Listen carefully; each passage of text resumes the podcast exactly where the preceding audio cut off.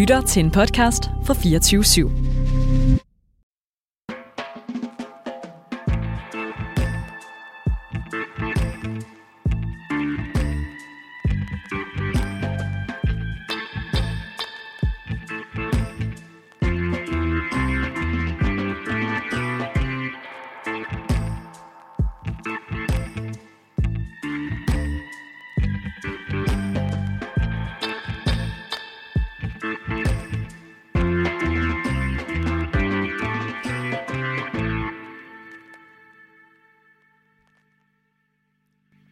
Mødommen er en hende, det siger min bedstemor. Hvis en pige hopper ned fra et højt sted, kan den tage skade. Det er en hende, der kan sprænge. Nej, hvad er det for noget at sige? Det er et hul. Men det er meget snævert først. Siden bliver det udvidet. Jamen, Munes var blevet helt bleg. Foise så på hende. Er der noget i vejen? Nej, der er ikke noget, men det må der være en hende. Nej, min ven. Jeg har selv læst det i en bog. Jeg læser meget.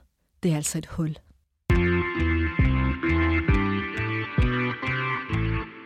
I dag der skal vi tale om myter og jomfruhinder. Og hvad der sker, når man finder ud af, at man måske hele sit liv har levet i skyggen af en løgn, opretholdt især af et øh, ret patriarkalsk samfund. Derfra så skal vi over og snakke om feministisk hævn, og om man mund kan blive gravid uden mandens hjælp tilbage i 1950'ernes Iran. Med andre ord skal vi nemlig endnu en gang dykke ned i den iranske forfatter Sharnush Parsipurs magiske verden og læse i hendes måske mest kendte bog i Danmark ved navn Kvinder uden mænd. Og ganske kort fortalt, så er det historien om en rig enke, to gammeljomfruer, en ung prostitueret og en skolelærer, som gerne vil forvandle sig til et træ, som alle sammen mødes i en have lidt ude for Teheran. Et tilfælde, som hurtigt får læseren til at spørge sig selv, hvad de her fem kvinder mund har til fælles. Det er præcis, hvad vi skal diskutere i dagens afsnit af min litterære pornosamling. Mit navn er Jakob Nielsen. Velkommen til. Og velkommen også til dig, Nasilla Gavami Kiwi, dagens gæst. Tak skal du have, Jacob. Eller øh, velkommen tilbage, skulle Ja. jeg måske nærmere sige. Ja, det er en fornøjelse. Det er jo ikke nogen øh, stor hemmelighed, at du for nogle måneder siden var inde og snakke øh, her i min litterære pornosamling om en anden af Parsipurs bøger. Den, der hedder Fri, Fri Oplevelser, Mm. øh, som lige var udkommet på det tidspunkt. Og den kan lytteren selvfølgelig finde, hvor lytteren finder sine andre ja, øh, afsnit fra min litterære pornosamling. Men på det her tidspunkt havde jeg altså ikke selv læst øh, Kvinder uden mænd, øh, som måske er Parsipurs mest kendte, øh, og blandt andet i politikens anmeldelse er blevet kaldt for en iransk undergrundsklassiker. Hvad tror du, de mener med det, Nasila? Jeg tror, øh, det de mener med det er, at øh, den her bog har, har og burde øh, have status af en klassiker, men den har været gemt i undergrunden af mange forskellige årsager. Dels jo fordi på verdensplan er den skrevet på persisk, og, øh, og de bøger, der ofte slår igennem, er skrevet på engelsk, så bare selve den sproglige barriere gør, at den ikke er blevet opdaget så mange til at starte med. Og så også fordi den har haft en ret grum skæbne, for, særligt for Charles Possipur selv, som altså, kom i fængsel på grund af bogen.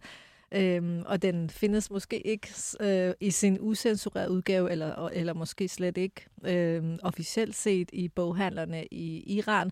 Så det er først, da den iransk-amerikanske kunstner, billedkunstner Shiri Neshot, først lavede videoinstallationer over de fem kvinder, og siden lavede en film baseret på den, øhm, at den fik sådan international status og er også øh, verden over hendes mest kendte bog. Okay. Øh, Ja, fordi du snakkede jo sidste gang, øh, vi snakkede sammen, om det her med, at man er ikke helt sikker på, hvad der er de rigtige udgaver, eller at du ved, i Iran er der blevet censureret så meget, og var det frie oplevelser, som Parsipur ikke engang kunne selv finde den helt originale udgave på. Men øh, ved, ved man konkret, altså det her fængselsforløb, var det en direkte konsekvens af, at man nu udgiver en bog i Iran? Ja, og øhm, for de interesserede kan jeg sige, at hun har også skrevet øh, sine fængselsminder øh, minder i en ret lang bog. Hun var fire år i fængsel. Øh, det er så sammenlagt, fordi hun var også i fængsel på grund af nogle andre politiske aktiviteter før revolutionen i Iran. Men øh, her, hun blev aldrig sådan direkte øh, anklaget og dømt for noget, så hun var i en venteposition, no. hvilket måske har gjort det øh, endnu sværere Ja. altså, at være i sådan en uvidenhed, og samtidig have et barn ude på den anden side. Men hun, øh, der, der først kom bogen ud, øh, blev udgivet, øh, blev læst, og så var der så nogle, faktisk nogle religiøse damer, der havde klaget over de her samtaler, der er om øh, mødommen, og så at der er en øh, prostitueret, som nøgen beder til en af Shia Islams allerhelligste helgener eller figurer, Ali, øh, og kalder på ham. Og ja. det blev set som blasfemisk, selvom Paisipo selv siger, at hun aldrig nogensinde har har ønsket, det, ønsket at være blasfemisk. Så det har virkelig været provokerende, mm. og, og bare det, at der er kørt en sag, har altså fået hende til at være i fængsel i rigtig lang tid. Ja, og det var så i 89, at den her bog udkom, tror jeg, første ja. gang. Ja. Øhm, det er jo en ret smuk bog, altså sådan rent omslagsmæssigt, og er åbenbart også en del af de her Gyldendags skala-bøger, tror de hedder, som udgiver oversat litteratur fra det 20. århundrede, og måske specifikt bøger, som som blev overset netop og glemt i sin samtid. Ja, nemlig oversete klassikere, så der er også James Baldwin og mange andre rigtig gode, så tjek endelig den serie ud også. Var det dig, der spurgte øh, Gyldendal, om de ville udgive den? Øh, nej, faktisk. Eller jo, det var det måske. Nej, det, kan, det vil jeg ikke sige noget om Ej, okay. til at starte med. Men øh, jeg kan sige, at i, øh, i 2009 og 10, der sendte jeg forslaget ud til flere øh, store forlag til at øh, udgive den. Og der var svaret, at det, det selvom de synes det var smukt, så ville de, kunne de ikke se, at den overhovedet kunne sælge, de kunne ikke se, at øh, dansklæsende læsere overhovedet ville være interesseret i at læse om kvinder i Iran i 1950'erne. Det var, det var for langt ude. Men så øh, fik de faktisk øje på den, øh, blandt andre Olga Ravn, som var øh, redaktør på Skalaserien på et tidspunkt, øh, og læste den her og ville... Øh, og ville øh, ja, udgive den, og så kontaktede de mig. Og det, der så var, var det sjove, var, at jeg i mellemtiden alligevel oversatte den, og startede med simpelthen at læse den op for venner og bekendte, og begyndte så at læse den op i forskellige sådan, litteraturfestivaler. Altså lidt for din egen skyld, eller? Ja, fordi jeg, jeg, du skulle jeg, gøre synes, det. jeg synes, den var så smuk, at jeg faktisk havde ondt af, af en, en, hver, en hver person, der ikke kunne læse den. Så jeg føler, at det var øh, en gave at give til folket, og jeg kontaktede Possible selv og spurgte, er det okay med dig, at jeg, øh, at jeg gør det her, jeg læser op her og der, og, og det sagde hun var okay, og så på den måde, så er den jo en undergrundsklassiker. Jeg ved ikke, om anmelderen i politikken vidste det, men, men øh, den er sådan, i sandhed sådan, har haft sit liv i undergrunden af flere omgange og flere steder i verden. Øh, du sidder jo her i studiet med nogle af dine originale persiske udgaver. Hvis vi lige skal snakke om, om, om omslaget på den danske, altså det er jo sådan en meget fin lille bog. Hvordan vil du beskrive den? Åh, oh, jeg synes, det er så smukt. Øhm, det er, den følger sådan en uh, skala-serie med, det er en hardback med stof. Jeg har ikke uh, navn på de tekniske Nej, okay. uh, betegnelser på det, men sådan en utrolig flot pink ryg med sølv bogstaver. Og så er forsiden helt sort, øh, og øh, der står kvinder uden mænd med pink. Og så vokser der ligesom sådan en øh, gren eller et træ ud i fem øh, blade, der også ligner munde, og, og det tænker jeg er de fem kvinder. Øh, jeg synes, det er utrolig smukt. Og i øvrigt så er den ligesom, den lever lidt videre på frie oplevelsers forside med, med de her sådan, altså den æstetik og den der puppe, der er, som også har sådan lidt vulva over sig. Så det er, det er utrolig smukt, synes jeg.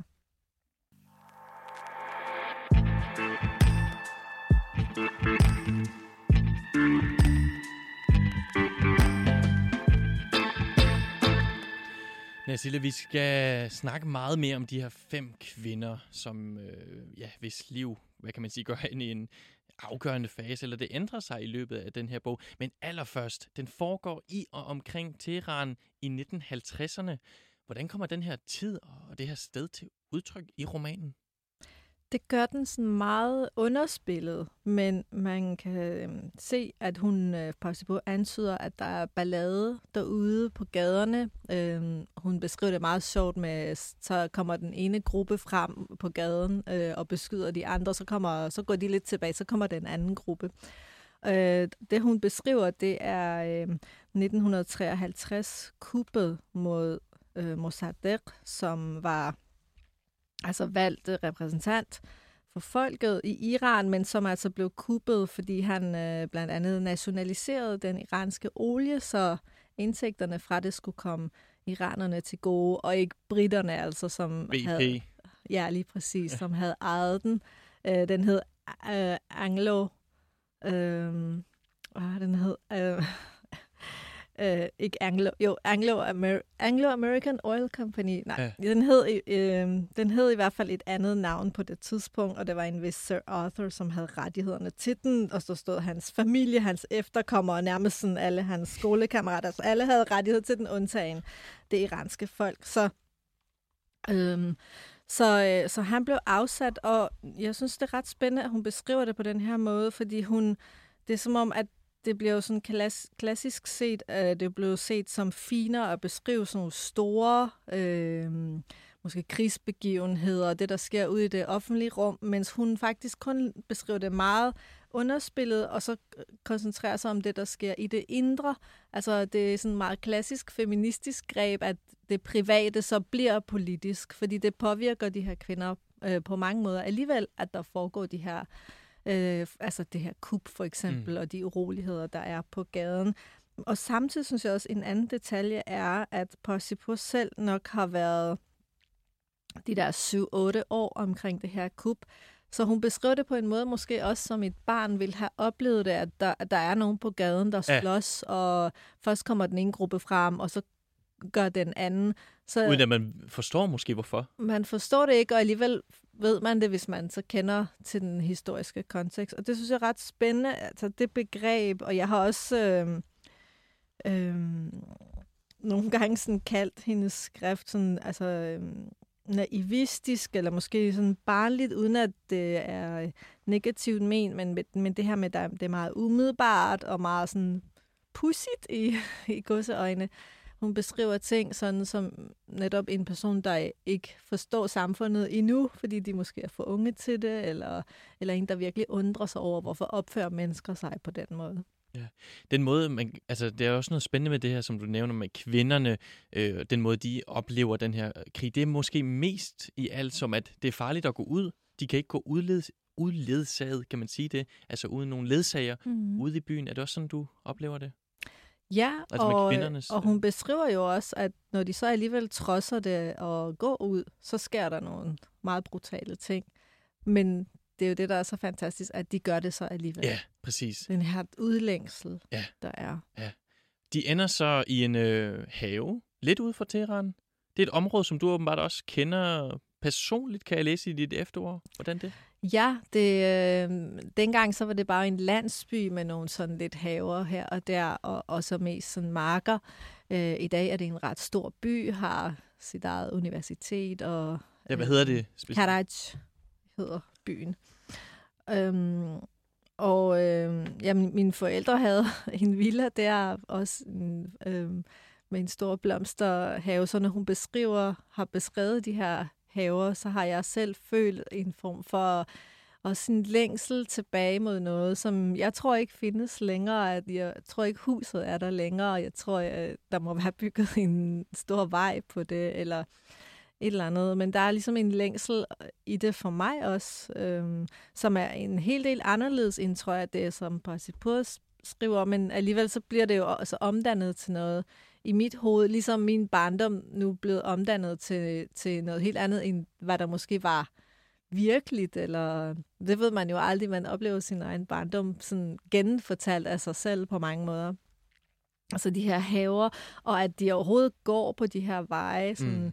de vælger altså netop de her to øh, kvinder, som netop har talt, ja, ja. gamle som har talt om mødt om sammen de bliver så trætte af det hele efter ret lang tids tålmodighed og siger, nu går vi simpelthen ud og, og vælger en, der går øh, om natten øh, på den her landevej.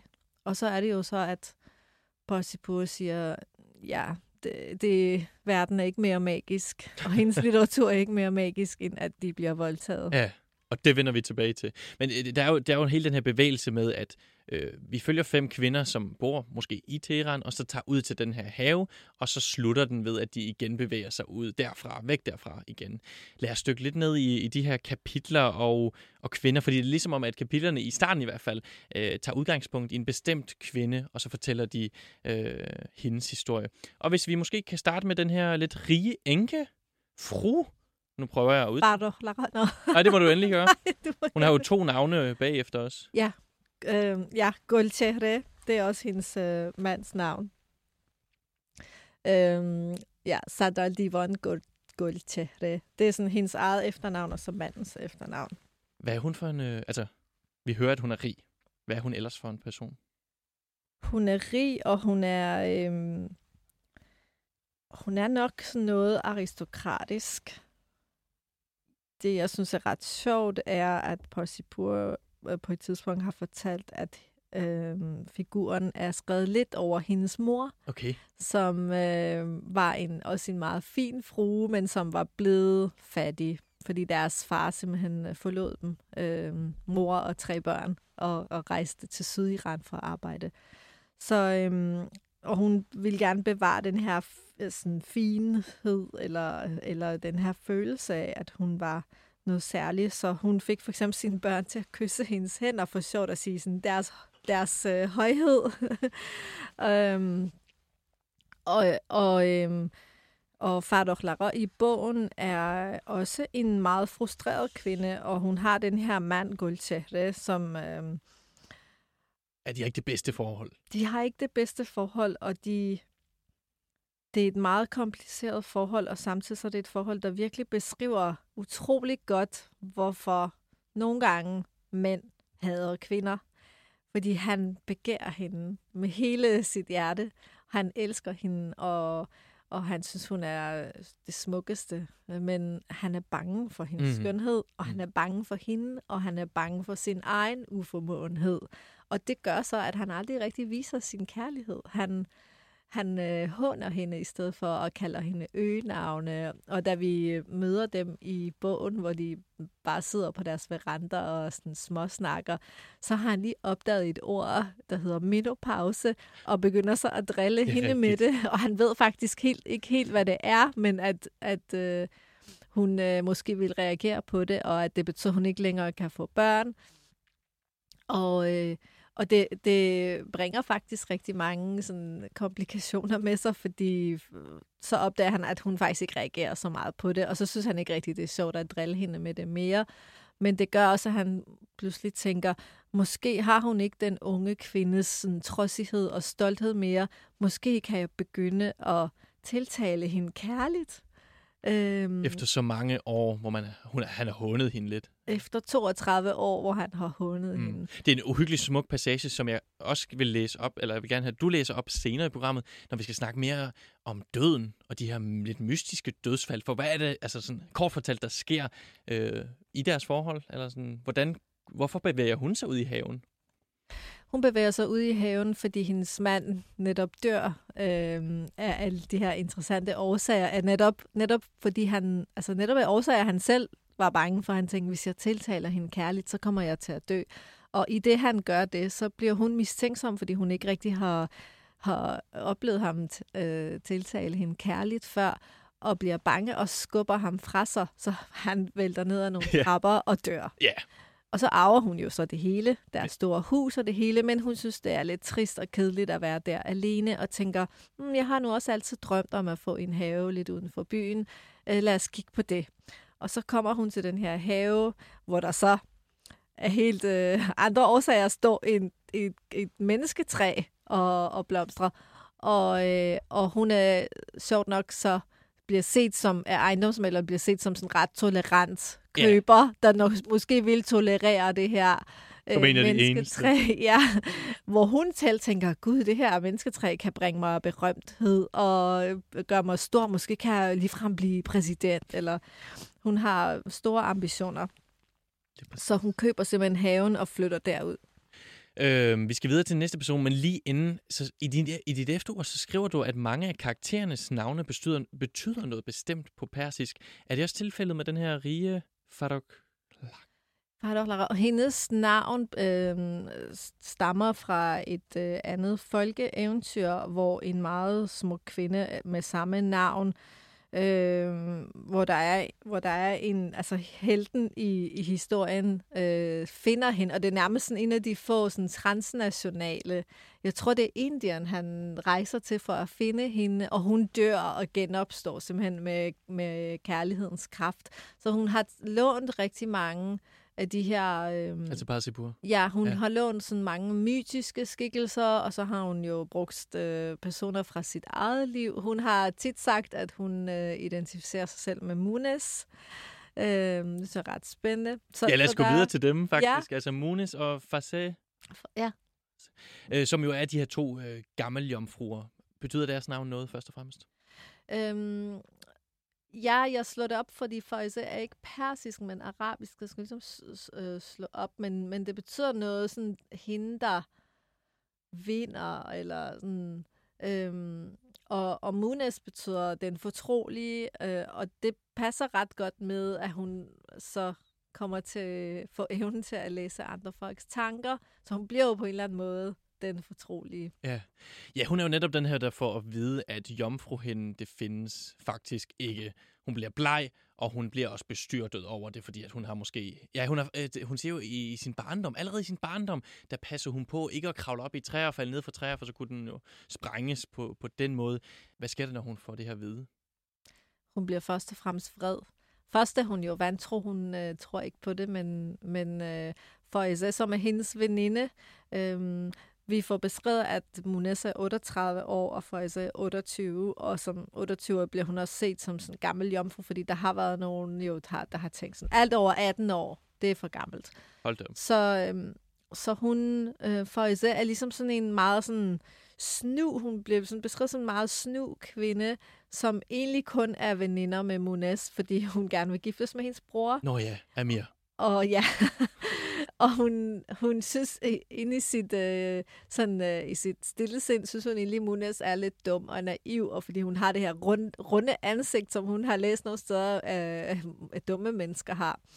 Øhm, så hun er, hun er ikke sådan helt ægte i deres venskab, og hun, hun fortæller egentlig, hun har nogle bagtanker med at fortælle om det her jomfru, øh, hende historie, fordi hun, øh, hun er bange for, at der går rygter om, at hun ikke er jomfru, og hun har egentlig bare brug for, at Munes af omveje fortæller sin bror, en at, øh, ja. at Føjse er jomfru, eller at hun er, hun er en god øh, potentiel hustru til fremtiden. så, øhm, så, så der sker jo rigtig, rigtig mange ting, men altså Munes, øh, jeg vil sige, at, at den her bog, selvom den ikke beskriver det som et selvmord, så, så har jeg tænkt, at det er jo egentlig det, der sker i første omgang med Munes. Hun dør af flere omgange, men første gang hun dør, er det, fordi hun er så frustreret over ikke, ikke at kunne forlade hjemmet, at hun går op på taget, og så kaster sig på gaden.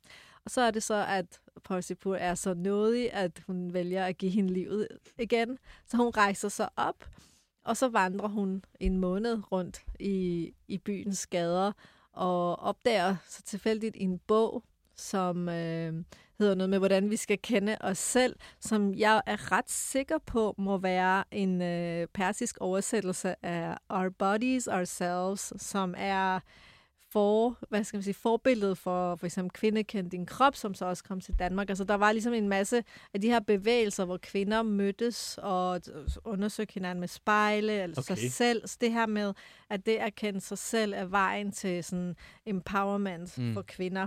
Så hun har jo læst den her bog og, og forstår så og bliver endnu mere vred. Simpelthen. Ja, det er jo også, handler også om, om seksuallivet. Til, altså at få et tilfredsstillende seksualliv, tror jeg også, det skriver i romanen, ikke også?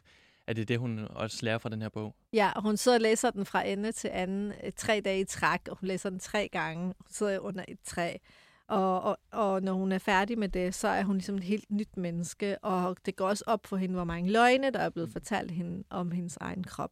Så hun kommer hjem igen efter en måned med, med, med endnu større vrede, og møder så Amir, den her, sin bror, som så øh, i vrede øh, stikker en lille frugtkniv i, lige i hjertet på hende. Så ja, hun dør igen. Hun dør igen. Han er jo sur over, hvordan hun kunne bringe skam over sin familie ved ikke at være til stede i en måned, eller hvad? Ja, Altså, vende ved som at være på gaderne. Mm. Og det er egentlig noget, der går ret meget igen i meget af Possibles litteratur. Det er det der med at indtage gaderne som kvinde. Altså vi taler om øh, frie oplevelser sidst, der, at der er også den her unge kvinde, som bare går og går og går på gaderne og i små gyder og, og nyder livet og drikker vin og, og gør alt det, hun har lyst til. Og det er jo sådan en måde at prøve at tage friheden tilbage i, i de her litterære rum. Helt sikkert. Øh, så hun bliver slået ihjel en anden gang. Genopstår igen. Ja, og der er det jo, at hendes veninde forråder hende, fordi Føjse hjælper så broren med at begrave hende og skjule mordet, og, er og rigtigt, ja. alt i håben om at blive gift med, med den her bror, som så overhovedet ikke er interesseret i hende, og giftes med en 18-årig øh, nabodatter, som så viser sig overhovedet ikke at være jomfru, og overhovedet Nej. ikke at være dydig, og noget som helst. Så, øh, så han får på en måde sin straf også. Og, og, og ender jo med, og det er så også en ret sjov detalje, det er, at han har den her Amir-figur, broren, han har ønsket sig så meget at have en jomfru, men så den her 18-årige, han gifter sig med, er ikke jomfru. Og de, hendes familie væ- vælger at drikke ham så fuld på bryllupsnatten, så han ikke skal opdage det. Øhm, men det sjove er, at da han så til allersidst finder sammen med Faize igen, selvom hun så havde været jomfru, men så er hun så blevet voldtaget Ja. i mellemtiden. Så, så han, er, han forbander lidt sin sorte skæbne med, at han aldrig nogensinde får sig en jomfru. Ej, Øh, så det synes jeg er ret sjovt, og det der, du sagde med feministisk hævn, den her er sådan meget underspillet de- del, der er også en meget tidlig hævn. Ja. Men den her del, synes jeg også er ret spændende, at, at han får bare ikke det her øh, mødoms, eller du ved, det, det floriations øh, oplevelse, som han så gerne vil have. Den fantasi, øh, som det jo også er. Ja, hvad hedder det? Monas, hun får på den måde nogle... Altså, man kan jo godt kalde det nogle magiske kræfter. Altså, både det med, at hun kan se, hvad hendes veninde for sig tænker hele tiden, og konfrontere hende med det og sige, at du har været... Øh, altså, du har altid tænkt, at jeg var dum, for eksempel. Men hun bruger det jo også mod Amir, sin bror, når hun genopstår, og siger, at han skal tage, passe godt på den her 18-årige pige, som godt nok ikke er jomfru, men alligevel skal han tage hende seriøst, for ellers kommer jeg efter dig. Og det respekterer han vel. Ja. Ja. for han bliver rent faktisk bange for hende, for han har jo selv slået hende ihjel, og ved, at hun var død, og hun har ligget begravet i flere uger. Så hun genopstår jo, fordi der er, Føjse havde begravet en talisman, der egentlig skulle øh, bryde kærligheden mellem Amir og den unge øh, nabodatter. Men altså, den vækker øh, Munes til live og med fornyet evne, og hun øh, har lidt sådan katteøjne og, og kan gøre sit ansigt langt som en hest. Og, altså alle de dyr, som vi også har, Ja. sådan, har, har sådan tradition for at, øh, at tildele nogle sådan lidt djævelske egenskaber. Helt sikkert.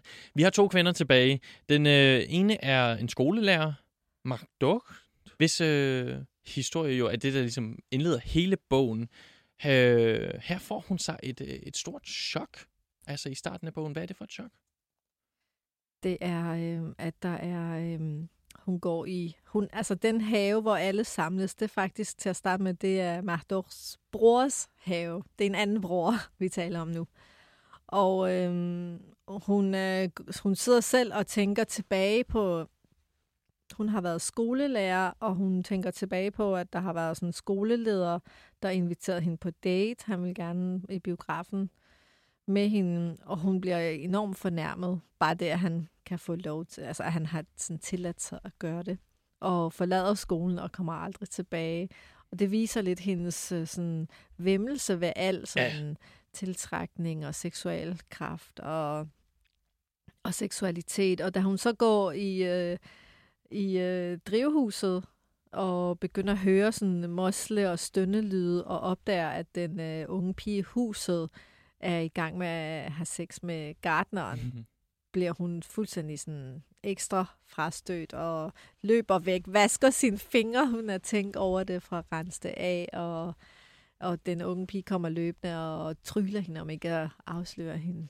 Og der får hun jo så en idé. Hun siger, min jomfruelighed er som et træ. Det kommer lidt ud af det blå. Hvad tror du, hun mener med det? Jamen, det, det er meget mærkeligt, men det er fordi hun, øh, altså det så tænker hun, hun, fordi før det, der har hun talt lidt om, at hun er lidt mere, sådan, hun er lidt grøn i sin hud. Hun synes, hun er sådan lidt grøn, men det, det både er jo, og der er jo, det er jo meget dobbelttydigt, fordi det grønne tænker vi også på som det noget smukt, og det frodige, men øh, altså et menneske, der har lidt grønlig hud, det er også fordi, hun er sådan ved at gå lidt til. Hun er oh, ja, sådan ja. lidt havet, og hun synes selv, at hun ser sådan lidt slidt ud. Øhm, og jeg tror, hun tænker bare, at det, altså, et træ har jo så meget symbolik på så mange måder. Det har jo sådan et, øh, en helt anden sådan rodfæstning i jorden, og, øh, og har, en, har på en eller anden måde sådan en, altså en fastere eller mere sådan stabil identitet end mennesker, der ofte øh, søger identitet, og især hos Possipur, som beskæftiger sig så meget med kvinder, og det her sådan identitetskrise, er være tildelt rollen som kvinde i verden. Det er jo en stor, i sig selv en stor identitetskrise, fordi den tit sådan overskygger alt det andet, man er som menneske, det er at blive tildelt rollen som kvinde. Så, så, så for Possipur handler det jo også om, at øhm, hun, hun har i hvert fald fortalt, at hun drømte selv om at være blevet til et træ, og talt med en terapeut om det, og terapeuten sagde, "Mm, man drømmer om et træ, når man søger efter identitet, Okay. når man har brug for rødder. Og, øh, og, og hun på en eller anden måde, altså, og det er jo sådan noget, der sker langt senere, så det er jo ikke noget, Mardot har kunne forudse, men hun har ligesom, hun har jo den her enorme drøm om at øh, sådan, replikere sig selv, altså at være, at reproducere Mm. sig selv, at forplante sig. Hun vil så gerne, og det er jo så hårdt at have det sådan, når man samtidig synes, seksualakten er enormt svær. Altså, der i 50'erne, lige hendes sted, der var ikke lige alt det øh, fertilitetsbehandling og Nej, solomoderskab, og selvom der jo solomoderskab har jo altid eksisteret i årtusinder, men øh, hun har i hvert fald ikke adgang til det, og hun har bare et stort, stort behov for Ja. at få børn. Ja. Og tænker, hmm, måske kan jeg blive træ og, og, øh, og dække hele kloden med magtog-træer. Den passage skal vi læse øh, lige om lidt, men først skal vi lige have den sidste øh, kvinde på plads. Sarin Kola øh, er en 26-årig prostitueret indtil det her tidspunkt. Hendes liv bliver dog ændret, da alle de mænd, som hun er sammen med på et tidspunkt, dukker op uden at have nogen hoveder. De har ikke, simpelthen ikke noget hoveder, og det kan hun selvfølgelig ikke forstå, og hun spørger sig selv, øh, hvordan kan det være? Hvordan læser du det? Altså hun bliver bange, og hun ender med at tage, tage væk fra øh, det her bordel og ind i haven, men hvordan læser du det med hovederne? Med mændene? Jeg synes, det er rigtig interessant greb, at de ikke har hoveder, fordi det... øhm, Altså, du ved, i sådan noget vulgær joke, så siger man sådan, hvilke hoved tænker du på? Og sådan. Altså, det er som om, de, de holder op med at være mennesker. Det er som om, de bliver sådan til sådan nogle altså, maskiner eller nogle robotter, der, der udnytter hende. Og øh, det er i hvert fald også et tegn til hende om, at hun ikke kan være i det mere at være, altså, at være prostitueret.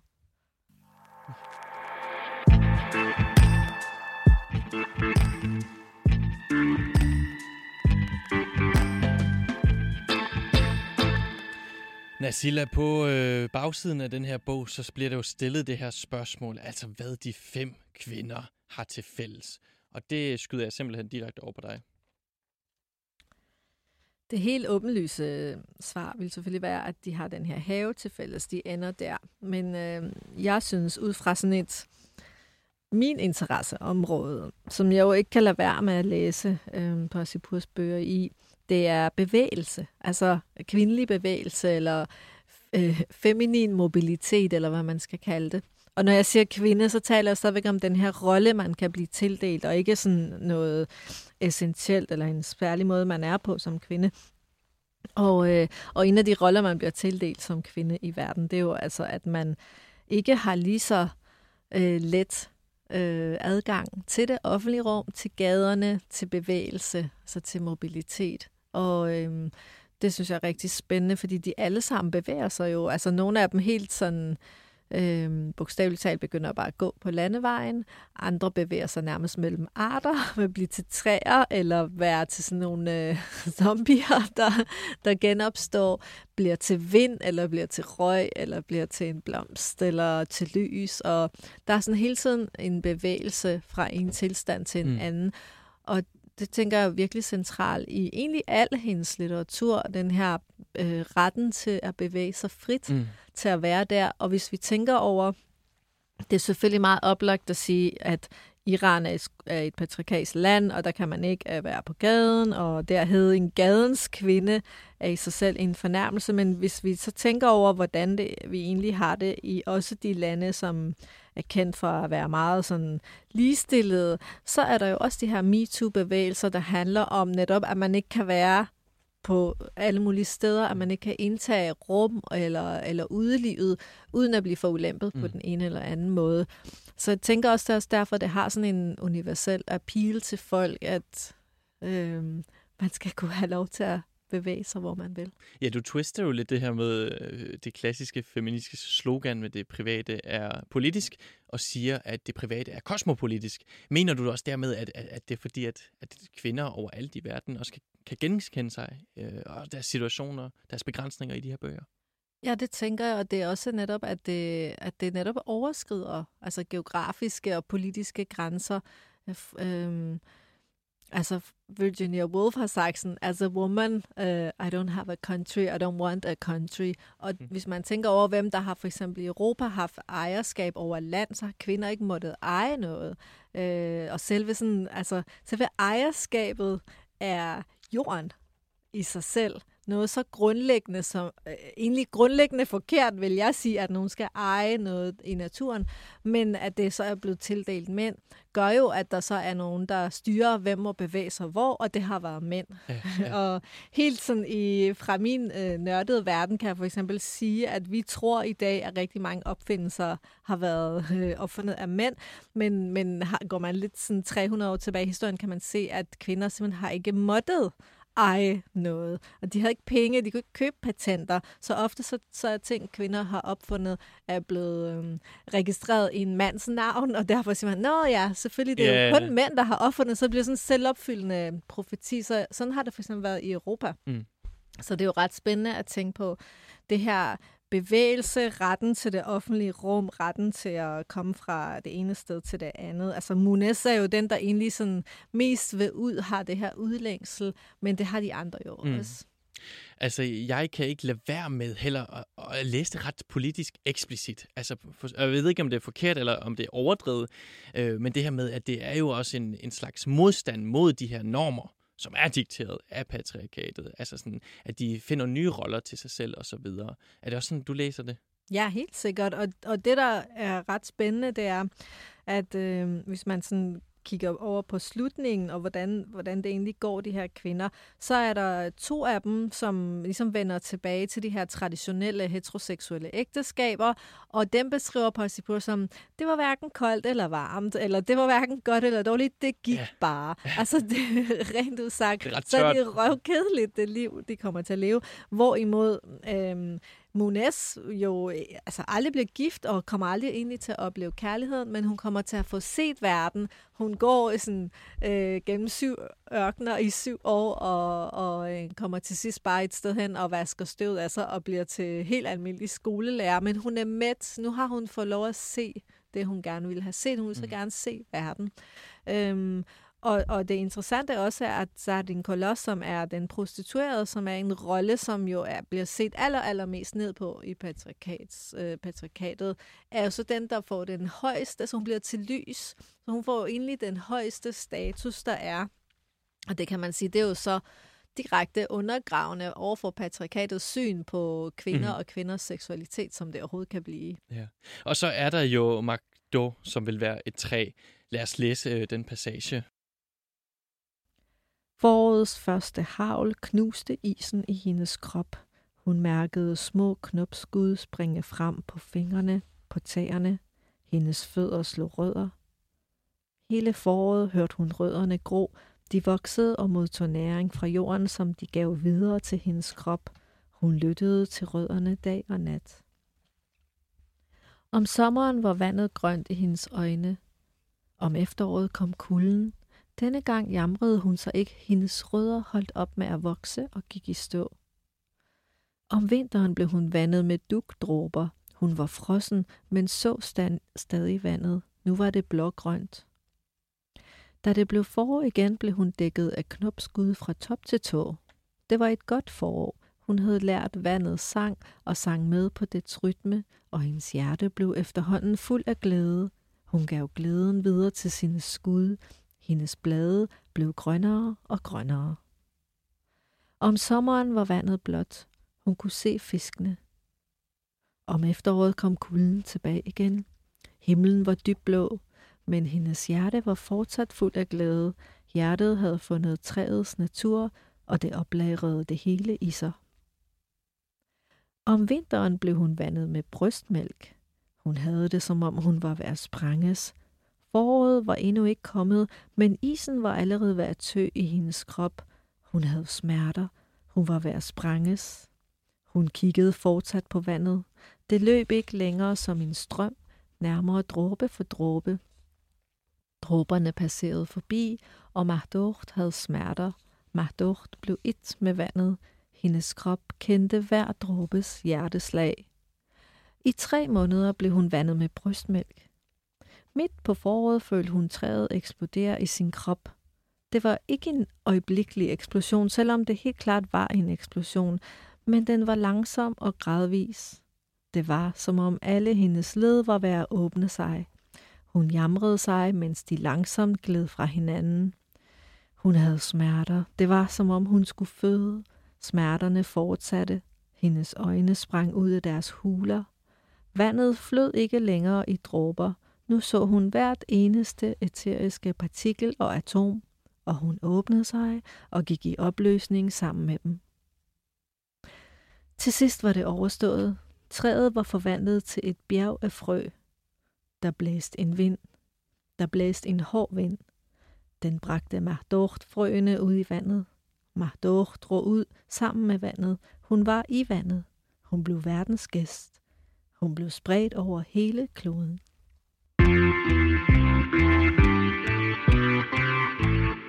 Altså jeg synes i det hele taget, at det er en, en virkelig, virkelig smuk og vild passage. Men hun jamrer, hun eksploderer næsten, hun opløses og føler måske, at hun bliver en del af verdensaltet. Øh, her i min litterære pornosamling synes jeg, at der jeg godt kan mærke også nogle seksuelle undertoner, altså mens at hun udvikles, selvom der vel også er noget død i det. Ja, der er noget død i det, og det er også en fødselsscene, og hun, hun siger det også direkte, at det er som om hun skulle føde, for hun får, hun får ligesom lov til at have den oplevelse at føde disse tusindvis af frø. Reproduktion, som du sagde, hun drømte om, ja. Hun drømmer det om den her for, forplantning, og det er måske også det tætteste, hun kommer på en eller anden form for klimaks, også seksuelt set. Så, så det giver god mening, at, øh, at der også er seksuelle undertoner i det. Du siger jo også i dit efterord, at haven i det hele taget har en slags monstrøs seksualitet. Øh, hvad mener du med det? Øhm, altså, jeg, jeg tænker, at haven måske er ligesom lavet over øh, øh, paradisets have, som også i bund og grund er et patriarkalt sted, fordi øh, vi har lært at læse Eva som øh, en, en, en øh, ulydig kvinde, som lokker Adam, og øh, i øh, religionshistoriske kredse, så bliver hun jo kendt, kaldt sådan the original trickster. Altså hun er, hun er ligesom øh, den første løgnagtige kvinde. Så, øh, så den her Paradisos have er et eller andet sted sådan øh, et sted, hvor, hvor det er Adam, der, der bestemmer. For Adam havde, har jo haft en kone før Lilith, som ikke var lydig nok, og derfor så ønsker True, han yeah. sig så derfor ønsker han sig en lydig kone og får Eva så. Øh, men Eva skaber også ballade. Og, og det, det danner på en eller anden måde en grobund for øh, det her sådan langvarige, kroniske kvinde havde, som, som er i, i sådan, øh, hvad skal man sige, vores dele af verden, og jeg tænker Europa og Mellemøsten, altså som, som sådan en fælles kulturarv, som vi har, har sådan i det her øh, misogyne tilgang til, til kvinder og kvinders sådan, troværdighed og altså hekseafbrændingerne, at har, har jeg jo også forbundet til det. Så at Parsipur så skaber en have, som på, på en altså på sin vis er levende i sig selv, og så er den ikke længere den her sådan patriarkalske have, i hvert fald ikke øh, for en stund af, af det, at, at patriarkatet er suspenderet. Og så sker der så de her magiske ting. at Mahdouh bliver til frø. Altså hun omgås øh, nærmest forplantningsregler. Hun hacker dem og bliver, yeah. til, og bliver til sådan en, altså man skal man sige, ikke-kønnet øh, formering, som hun foretager sig. Men der er også, og det er sådan ret spændende, øh, fordi jeg blev nødt til at spørge på sig på, sådan, hvad med den her gode gartner? Hvad er det med ham? Fordi yeah alle mænd i bogen er sådan nogle, øh, de er enten onde eller sådan nogle sølle stakler. Øh, og det er den gode gartner ikke. Og hun sagde øh, med sådan glimt i øjet, jamen, jamen det er simpelthen Gud. Okay. Altså den gode gartner ja. repræsenterer Gud, ja. og at det er en venlig Gud. Okay. Øhm, for, for han er, dels så gifter han sig med den prostituerede, og dels så lærer han kvinderne selv at bygge hus og male og blande mørtel og alle de ting. Så jeg har set, og det er selvfølgelig ikke kun på min regning, det er, at jeg har tænkt på ham som en sådan queer-gud. Altså en gud, der går imod det her, sådan, den vrede patriarkalske gud, men, men, men en, som er god og venlig, og som på mange måder er sådan med i kvindernes projekt til at blive selvstændige, selvom det ikke holder i længden. Ja, helt sikkert. Vi skal over øh, her til slut og snakke om de her mange dødsfald. Og i et af dem er den her øh, gode øh, gartner, apropos os med i det, det er netop, når de her mænd øh, voldtager vores to gammeljomfruer på landevejen. Øh, bagefter sætter de sig ind i en bil, øh, som de kørte i også øh, forinden, og så styrter de ud over en klippeside, forestiller mig det måske. Eller de styrter. De, kører, de kører, de for... galt, yeah. og så, øh, så, så skrider vognen, og de vælt, altså, sådan, den ene bliver kastet ud. Yeah. Øh, så er der sådan jordbanker, for den ene, tror jeg, bliver kastet ud, efter han har... Øh, Possible beskrive det som, at han har danset en, en flot dans på nogle elektriske led, ledninger, men det er fordi, han er ved at blive grillet, og den anden er blevet mast under vognen. Øh, og, og, og man, man hører nærmest der på Sipur kommentere på det, Lige hvor hun præcis. siger, det så ikke værst ud. Nej, det så ikke værst ud. Men hun siger også, hvad hedder det, det her med, at og det havde de vel fortjent, eller jeg kan lige lede efter det specifikke. Det er Gardneren, der siger det. Er Gardneren, jeg nemlig, tænker på som fortjent, ja. Ja, lige præcis. Det er meget tørt øh, konstateret, men også, og det læste jeg i hvert fald lidt som sådan en, at ikke nødvendigvis Gud, men de højere magter altså det der med, at de dør i et uheld lige efter de har voldtaget de her kvinder, at de højere magter på en eller anden måde også er, er med kvinderne. De støtter dem og synes også, det her er forkert. Øh, det ved jeg ikke, om du er enig i, men ja, i det hele taget, i den her bog er der rigtig mange dødsfald, både mænd og kvinder.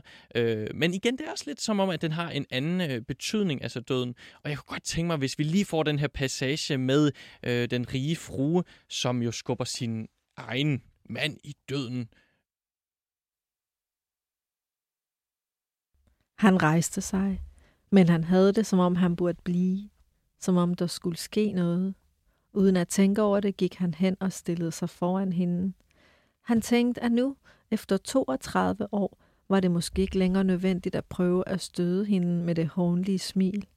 Faktisk havde han i noget tid vidst, at hans hånlige smil var en slags forsvar mod hendes overvældende skønhed. Han vidste, at hvis han ikke mødte hende med dette hånlige smil, ville han være så godt som død for hende. Han vidste, at han aldrig kunne lade hende ane, hvor meget han begærede hende. Så meget begærede han hende. Men nu fik han pludselig lyst til det. Lyst til bare en gang at se på hende, lige så kærligt, som, havde set, som han havde set på den polske kvinde, når han kaldte hende Farrochlarov. Nu var hun jo gået i overgangsalderen. Hun havde ikke samme trods i øjnene, som hun plejede at have. Hun lå ikke længere og dagdrømte til langt ud på natten, men faldt hurtigt i søvn. Hun var til med begyndt at snorke. Han tænkte, at det måske var blevet tid til at kigge mere almindeligt på hende, uden foragt. Han stillede sig lidt tættere på hende, ved hendes fødder, til den side, hvor trappen gik ned. Så sagde han, Fardoch Lara, min skat. Hun fik kuldegysninger. Han havde aldrig talt til hende på den måde før, han havde altid bare sagt Farouk og smilet hånligt. Hun løftede hovedet. Hans hånlige blik var væk. Han kiggede kærligt på hende. Nu blev hun grebet af panik. Han måtte være ude på noget. Hvad hvis han slog mig ihjel, tænkte hun. Måske reagerede hun instinktivt. Hun hamrede en knytnæv ind i hans mave. Det føltes som vat og kunne ikke stå imod slaget. Han stod i forvejen lidt dårligt, og nu vred han om på venstre fod. Da han prøvede at skifte stilling, mistede han balancen og faldt med hovedet først ned ad trapperne. Faruk Laros stod helt stille ved stolen i noget tid og turde ikke kigge ned. Der kom ikke en lyd fra ham. Altså en øh, dødsfald, som bliver en ny mulighed, kan man sige, for at hun starter ja, sit liv op igen og øh, flytter til den her have. Altså, hun slår ham ihjel, måske også ubevidst til en vis grad, men læser du også lidt som en hævn over alt hans had gennem hele livet? Ikke lige den her scene, tænker ikke, at hun vil hævne sig på ham, men hun, er, hun faktisk bliver bange for hans kærlighed, for når den ikke rigtig har været der, så virker den meget suspekt i hendes øjne. Men det, der er ret spændende, er, at, at øh, Øh, alle dødsfald i bogen er sådan øh, overgange til noget andet, så de åbner op for noget. Jeg synes, det er en rigtig spændende måde, hun sådan arbejder med døden på, at den er, altså hun fagner døden og, og, og tager den til sig, og så præsenterer hun den på, på, på, en, på en anden måde, end vi normalt omtaler døden på. Vi ser normalt døden som slutningen på alt, men her bliver den sådan en meget integreret del af livet for alle kvinderne. Men altså, hvis man, nu, nu snakker du alligevel om det her, det feministiske hævn. Det kan man måske mere læse i forhold til de her øh, voldtægtsmænd, som bliver kastet døden lige efter. Du siger, det er en, det er en genre i sig selv. Hvordan I hvert fald synes jeg, at det er... altså, øhm, jeg kan ret godt lide sådan øh, visse koreanske film, der har sådan hævn-tema, hvor øh, sådan underhunden kommer tilbage og slår hævn, men også øhm, der er også en japansk øh, serie fra 1970'erne med en skuespiller, der hedder Meiko Kaji, som øhm, spillede Lady Snowblood, som handler altså om en øh, kvinde, som simpelthen bliver født øh, i fængslet af en mor, der er blevet voldtaget, og, og moren ligesom føder hende nærmest for at sende hende ud i fremtiden og hævne sig. Så hun, er sådan, øh, hun har sådan en fantastisk øh, svær, som hun så øh, hakker alle de her voldtægtsmænd ned med. Øhm, det er faktisk noget, som Kill Bill er lavet sådan ret meget over. Altså, Tarantino? Ja, ja. ja som, altså, han står også ved det, altså han er meget inspireret af de her. Øh, men han har, ligesom, han har selv også sådan flere af de her genrer med den der øh, Death Proof, der er den her bil, øh, som er, er sådan en fuldstændig psykopatisk kvindemorder, som har ligesom sådan en Altså, han sidder selv sikkert i sin bil, men han har ligesom sådan en kasse ved siden af okay. på passagersædet, som han, øh, som han kører helt vildt i sin bil, og, og den kvinde, der så sidder i den her øh, kasse på passagersædet, bliver helt smadret, og, og de tager så også rigtig godt og grundigt hævn på ham. Øh, der er også en iransk film, som jeg også på en eller anden måde tænker, øh, altså hun må have læst den her Kvinder uden mænd, fordi der er, øh, der er sådan en vampyrkvinde, og den hedder A Girl Walks Home Alone at Night. Altså selv, så er scenen ligesom bare sat i titlen, fordi det er jo tit noget, der ikke går godt. Nej, øh, når, en arketypisk scene. Ja, ja, når en pige går alene hjem om natten.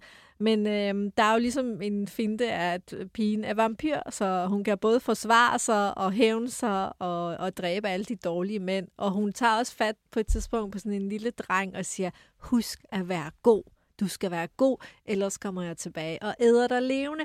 Og den scene, tænker jeg, måske uh, kan inspirere, eller i hvert fald ligner ret meget der, hvor Munes siger til sin bror, at hvis du ikke er god ved den her unge brud, som ikke var jomfru alligevel, så kommer jeg og æder dig levende.